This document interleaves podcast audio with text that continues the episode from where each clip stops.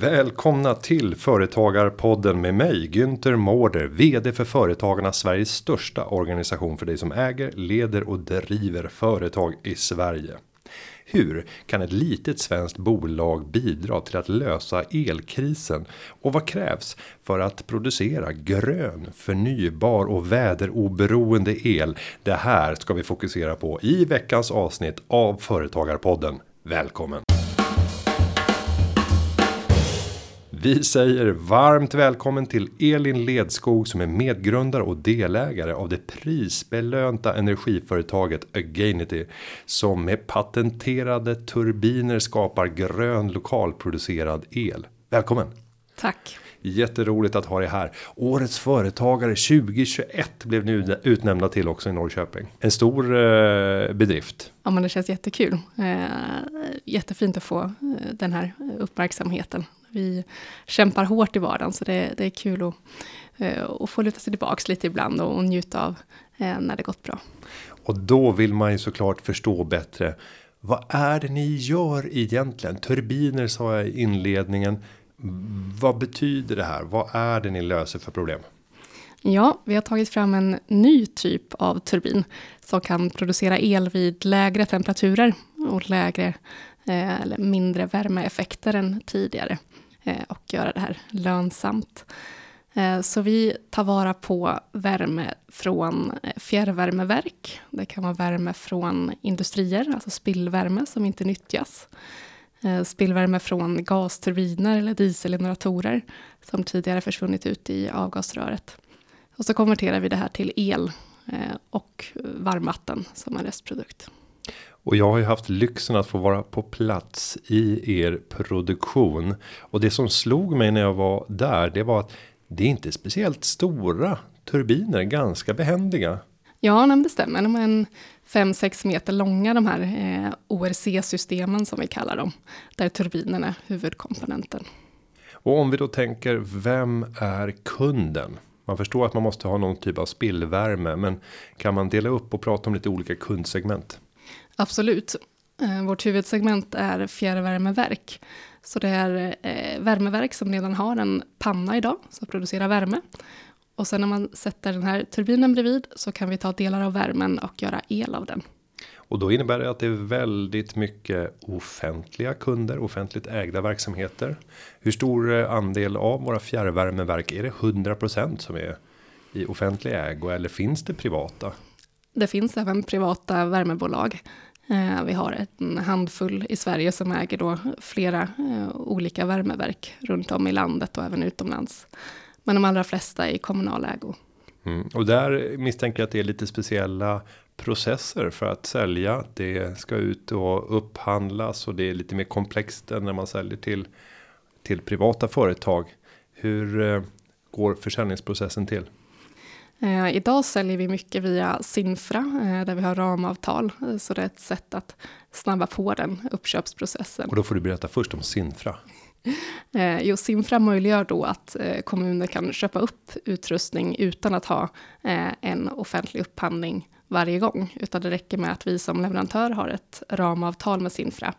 Så kan kunden avhandla det direkt. Så eh, den gemensamma inhandlingscentralen den hade, hette ett, hade ett annat namn tidigare. Commendo. Eh, Ja, nu, nu är det lite pinsamt, det här ska vi kanske kunna. Men eh, det är Sveriges kommuner och regioner som organiserar det här bolaget va? Ja men det stämmer. Rent inköpsvis. Ja. Och det där kan ju vara tips till dig som lyssnar. Har du en, en tjänst eller en produkt där du ser att det här är av uppenbart intresse för väldigt många. Kanske både kommuner och regioner. Så kan det vara en väg framåt att teckna sånt här avtal som gör det lättare sen i nästa skede. Att bara kunna avropa för kommuner. Men om vi eh, nu förstår produkten, vi ser kunderna. Eh, det man vill skapa av den här spillvärmen är ju elektricitet. Och vi har en elkris som är påtaglig priser som är ofantligt höga. Framförallt får man ju säga då elprisområde 3 och 4. Jag misstänker att det här har påverkat efterfrågan på era turbiner. Det har det absolut. Vi har haft riktigt mycket att göra senaste året. Eh, jättekul, eh, inte minst i Sverige som är vår huvudmarknad fortfarande. Eh, men även i Östeuropa, Baltikum, Polen, eh, stor efterfrågan. Och där handlar det väl både om eh, elpriset såklart och eh, en vilja att gå över till förnybart. Men också eh, att bli mer oberoende av eh, importerad el. Och det är ju uppenbart att vi har ett ansträngt läge i Sverige när vi tittar på elpriserna. Men när vi åker ut i Europa så är faktiskt situationen ännu värre. Ja. Och det där kan man ha med sig i, i tanken. För det är klart att många svenska företag har det otroligt tufft just nu. Men å andra sidan om man tävlar mot företag som befinner sig nere på kontinenten så är vår relativt bättre position med relativt lägre energipriser fortfarande en konkurrensfördel. Så har det å andra sidan alltid varit med svensk billig energi. Om vi tittar på dig som företagare bakom. Du är ju inte ensam i det här bygget utan det finns en uppfinnare Jocke. Får jag kalla honom det? Absolut. Ja, ni och ni stöter på varandra i ett relativt tidigt skede. Berätta om hur företagandet kom till och hur ni två kom att finna varandra. Eh, jo, men det var David Frykerås som tog fram grunden till den här turbinen. Och sen träffade han just en Jocke, eh, Joakim Wren, eh, från universitetsvärlden.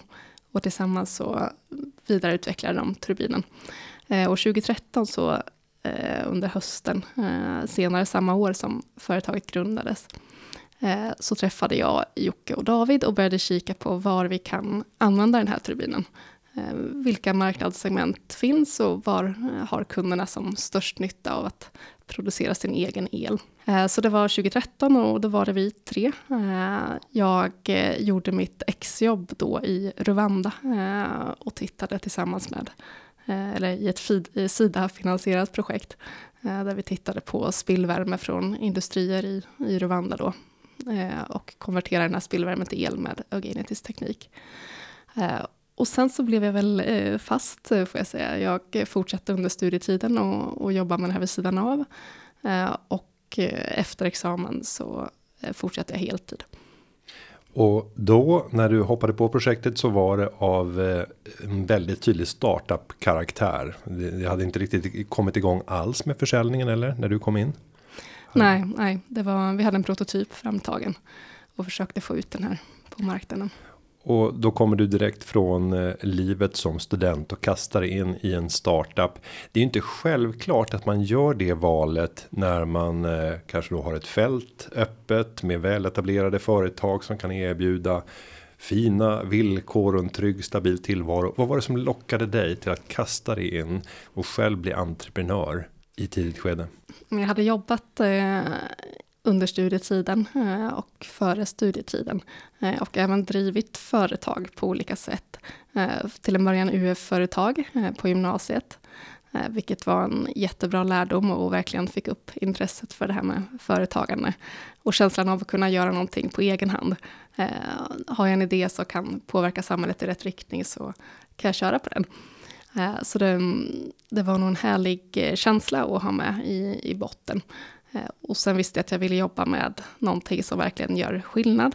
Eh, gärna eh, inom miljöfrågor, klimat.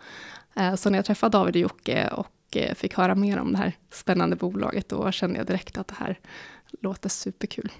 Och för att förstå hur sådana där möten kan ske. I det här fallet så fanns det en koppling mellan bolaget och universitetet. Din lärare eller professor och dig. En kedja som gick ihop. Berätta. Jo, men det stämmer. Eh, vi skulle göra exjobb och jag ville gärna göra det utomlands och med ett företag, eh, inte eh, inom universitetet som många andra. Och då kom jag i kontakt med just Jocke och eh, fick tipset om eh, Againity eh, som han själv varit med och startat upp. Eh, så det, det var ju helt via, via Jockes kontakter på universitetet i det här fallet. Och det har vi fortsatt haft nytta av när vi fortsatt rekrytera här under åren. Och om vi har eh, studenter som sitter och lyssnar på det här eller kanske föräldrar som har barn som är studenter idag. Vilka tips skulle du ge direkt till dem när det kommer till att få den här typen av kontakter som möjliggör andra typer av, av livsval och kunna tidigt komma in i ett entreprenörskap. Hur ska man bete sig? Vad ska man ställa för frågor till vem? Jo, men ta tag i människor och idéer när de poppar upp i huvudet. Jag var ju sugen på att åka utomlands eh, och det var ingen annan som gjorde det. Man skulle göra ett projektarbete på universitetet när jag skulle göra exjobb. Det var så det gick till. Eh, men så luskade jag lite i det här och fick höra talas om Sida-finansierade projekt och eh, knackade på på dörren hos han som var ansvarig, vilket var Jocke i det här fallet, och pushade lite på att Nej, jag vill göra utomlands. Och då öppnades det upp möjligheter.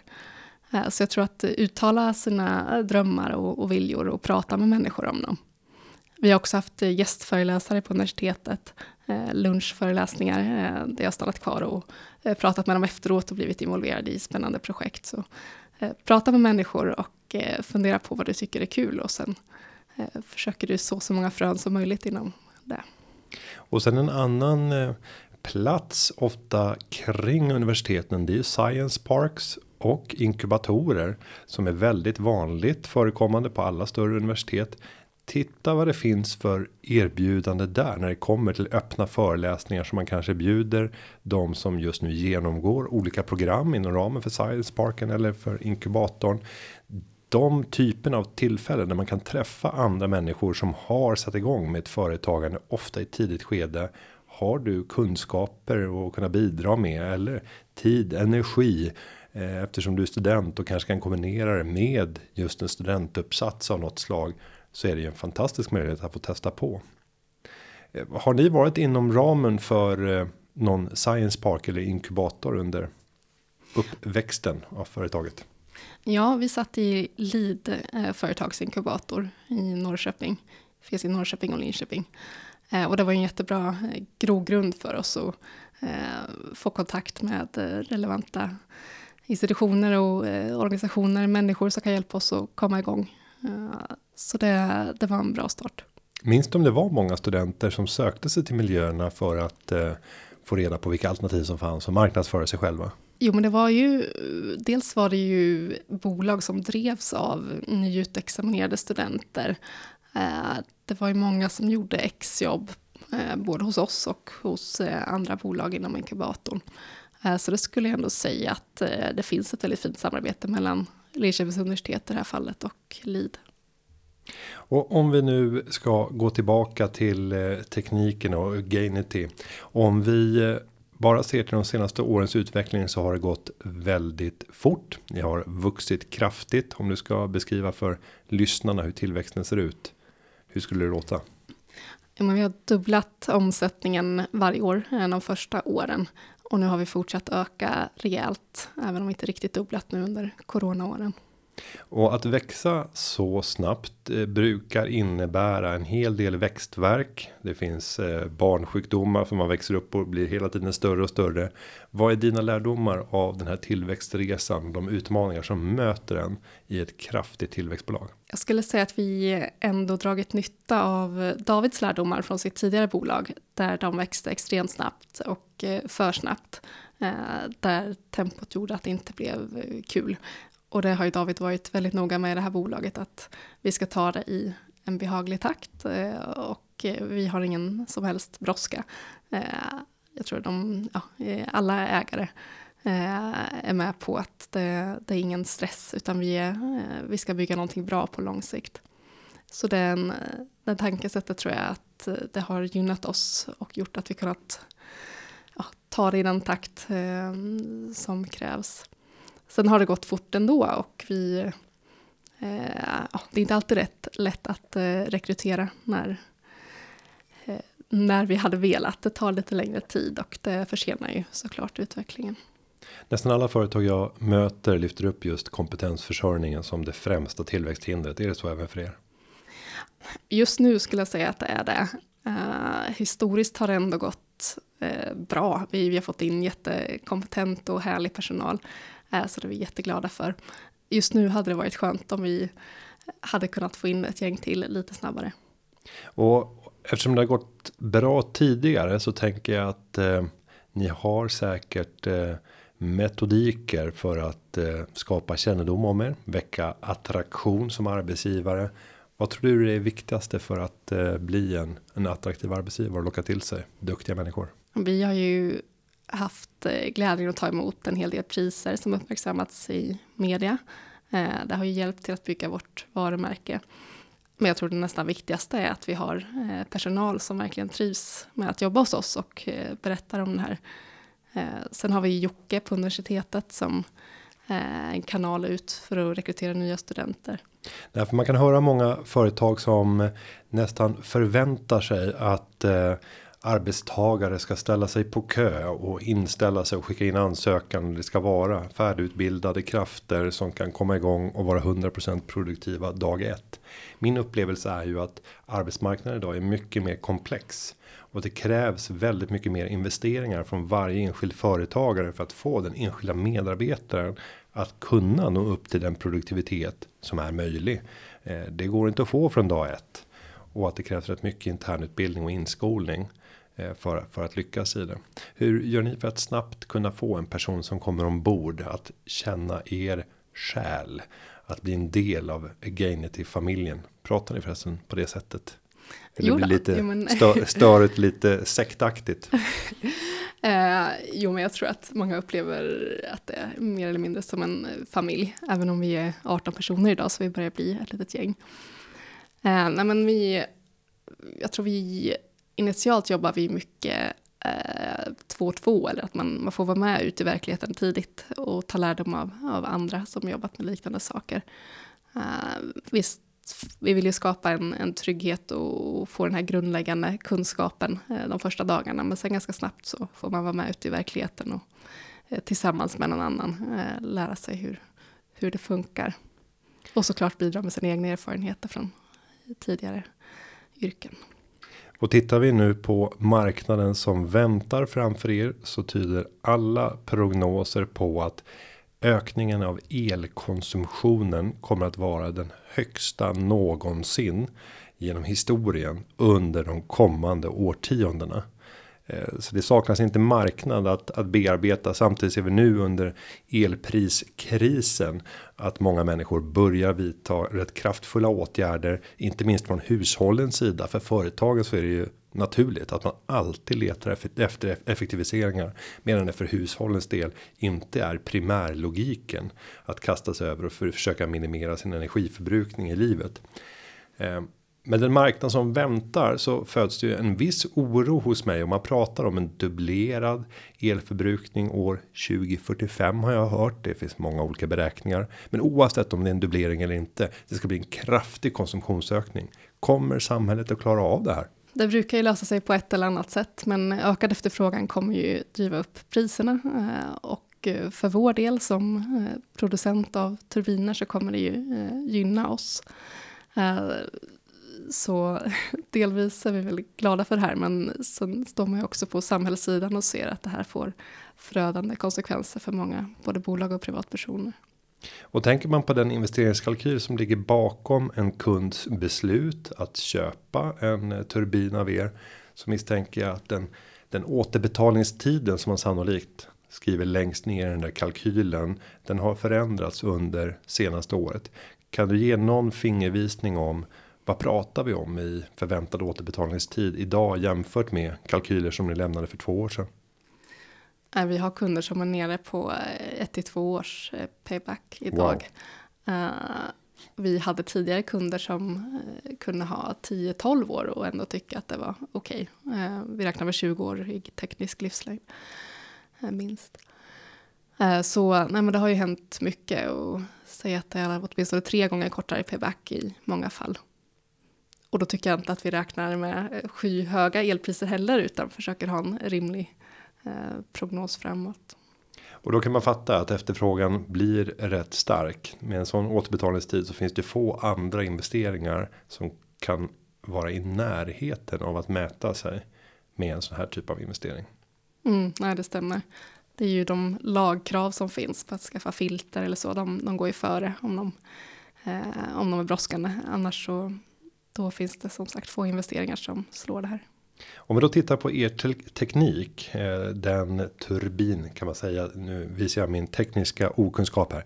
Den eh, eh turbintekniken som är bakomliggande för omvandlingen från värmeenergi till elenergi. Eh, det finns ju risk att bli kopierad här. Hur säkerställer man att eh, tekniken inte skäls av andra och att det dyker upp andra aktörer som tar alla de år av utveckling som det tagit för att ta fram den här produkten och börja sälja kopior. Hur har ni patenterat? Eh, vi har patent, eh, både färdiga eh, patent som vi fått och pågående patent och kommer fortsätta ha framöver. Så det är ett sätt att dels känna oss mer trygga men också inge förtroende för både mot kunder och banker och andra institutioner.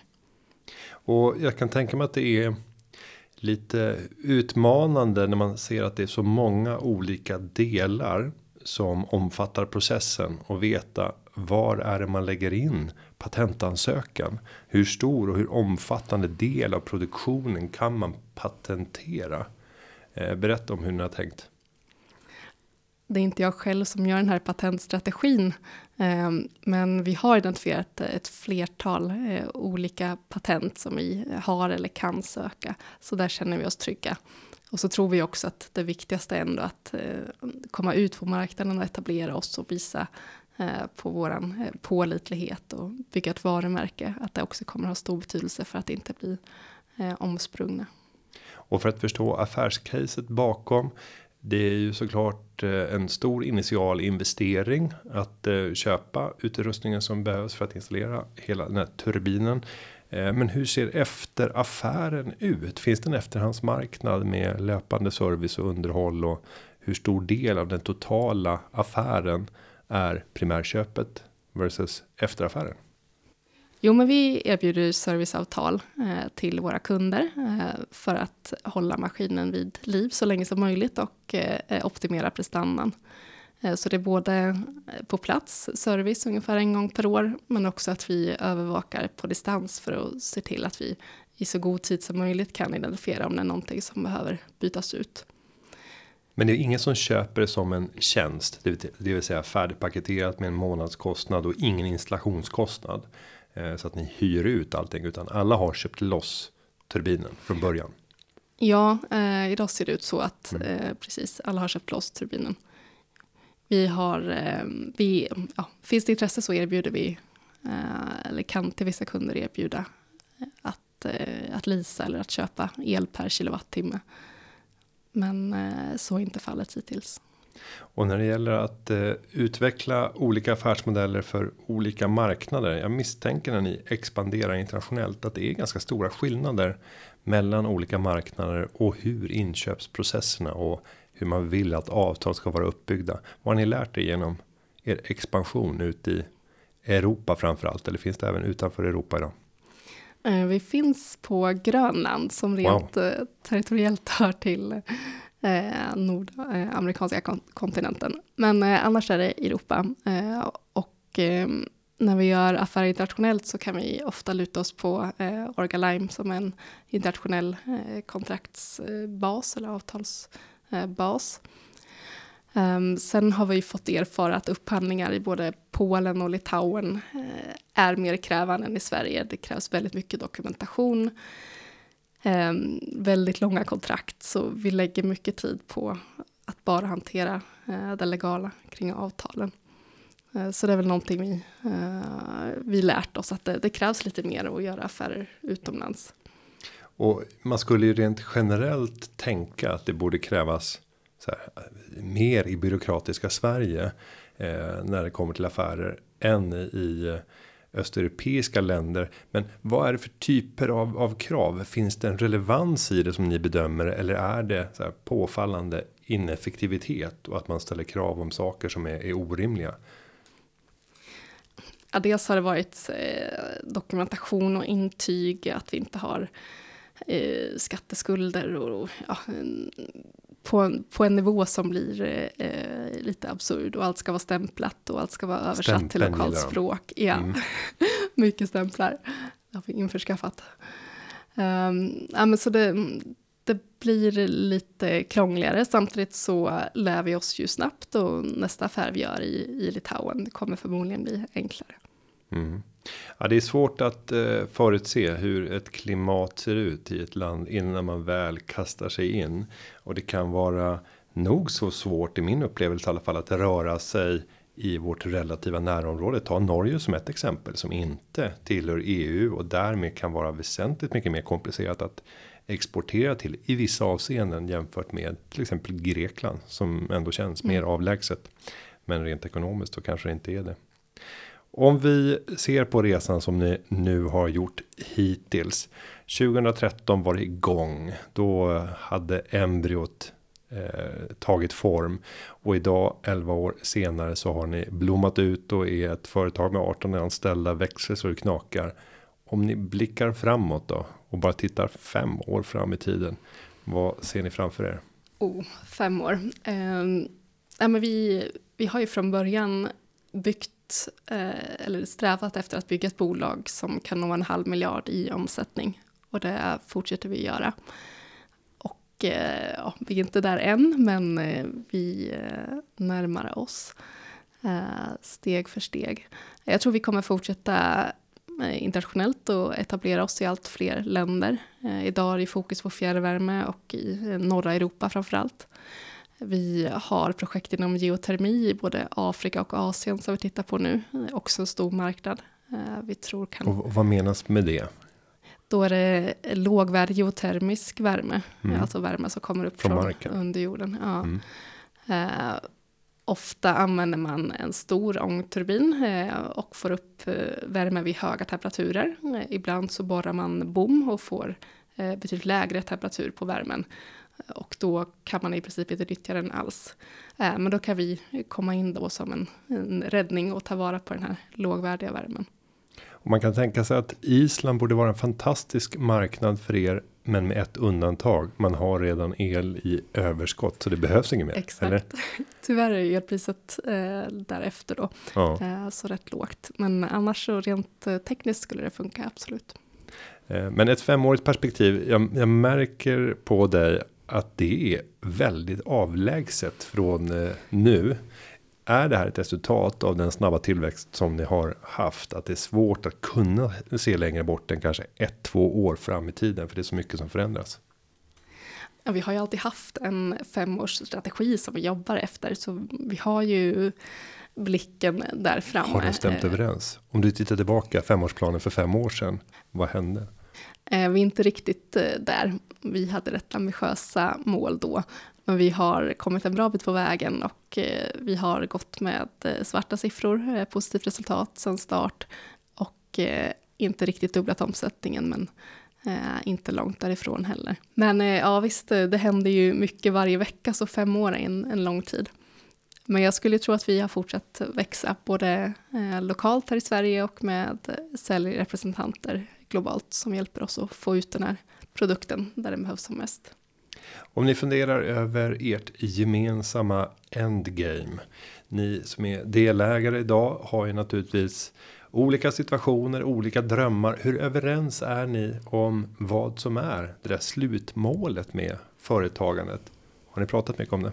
Jag skulle säga att vi, vi är överens om att det inte är bråttom. Eh, det är ingen som har ett eh, akut behov eller vilja att eh, tjäna jättemycket pengar på väldigt kort sikt. Så jag skulle säga att vi är samspelta och har en, en sund syn på bolagets utveckling. Vi vill, vi vill komma långt, vi vill att det här ska bli stort och vi vill göra så stor skillnad vi kan som möjligt för, för energibranschen och för planeten.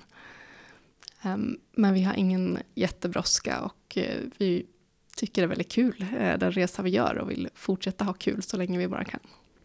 Men jag tänker att eh, ett bolag som i alla fall i min bild dyker upp som en potentiell tagare av er är väl ABB. Alltså börjar man nå upp till en halv miljard eller en miljard i omsättning och man ser att det är kraftig tillväxt ABB har väldigt mycket relationer med de som är era kunder och kanske har installerat den primärenheten som genererar den spillvärme. Eh, är det en, eh, en dröm eller en mardröm att bli uppköpta av ABB? Oh, ja, den, det finns ju många potentiella eh, köpare och eh, eh vi eh, är ju öppna för att eh, tala med eh, potentiella köpare, men vi ser ju inte att det är eh, idag, utan det är på längre sikt i så fall. Och det där är, tycker jag, en, en, eh, en rimlig strategi att ha. Att aldrig stänga någon dörr, men vara tydligt med att det här är inte vårt förstahandsval. Det är inte det vi ser framför oss. Men att heller inte stänga dörren för att föra samtal. För ofta så blir det ju så att man bygger en relation i ett sånt läge. Du har ingen aning om den relationen kommer leda till nya affärsmöjligheter, fördjupade samarbeten eller i framtiden underlättandet av ett potentiellt förvärv eller kanske omvänt att ni får förvärva en del av det företaget om de knoppar av eller liknande så att eh, jag möter ibland entreprenörer som bara omedelbart slår bort och bara tackar nej till den här typen av möten. Men min, min upplevelse är att man kan få rätt mycket av att bara sätta sig ner och lyssna på en potentiell tagare av en del eller hela verksamheten och sen använda den relationen som de byggt upp till att skapa nya relationer. Absolut, ja, men vi är öppna för dialog. Får vi se vad som händer här efter efter podden. Om eh, du hade fått gå tillbaka till år 2013 och eh, ha all den kunskap som du idag har och ge lite råd till er som team. Vad hade råden varit med de kunskaperna som du idag sitter med?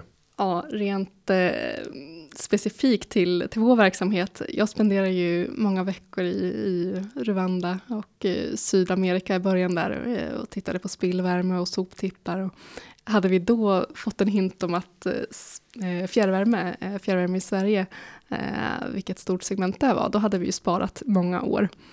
Eh, samtidigt var det ju oerhört roligt eh, och vi har ju fått en, en bild över vilka, vilken enorm marknad som finns där ute. Även om vi bara hunnit nosa på ett av segmenten. För det var inte primärtanken från början att, att vända sig till fjärrvärmeverk i, Nej, i Sverige? inte Nej. alls. Utan vi kikade på vart har man eh, spillvärme, så det ska vara gratis värme, och vart har vi höga elpriser. Eh, fjärrvärmesektorn, de betalar ju faktiskt för bränslet som blir värme, även om det är ganska eh, låga summor. Och i Sverige var elpriset ganska lågt då, när vi drog igång. Men det fanns ändå potential.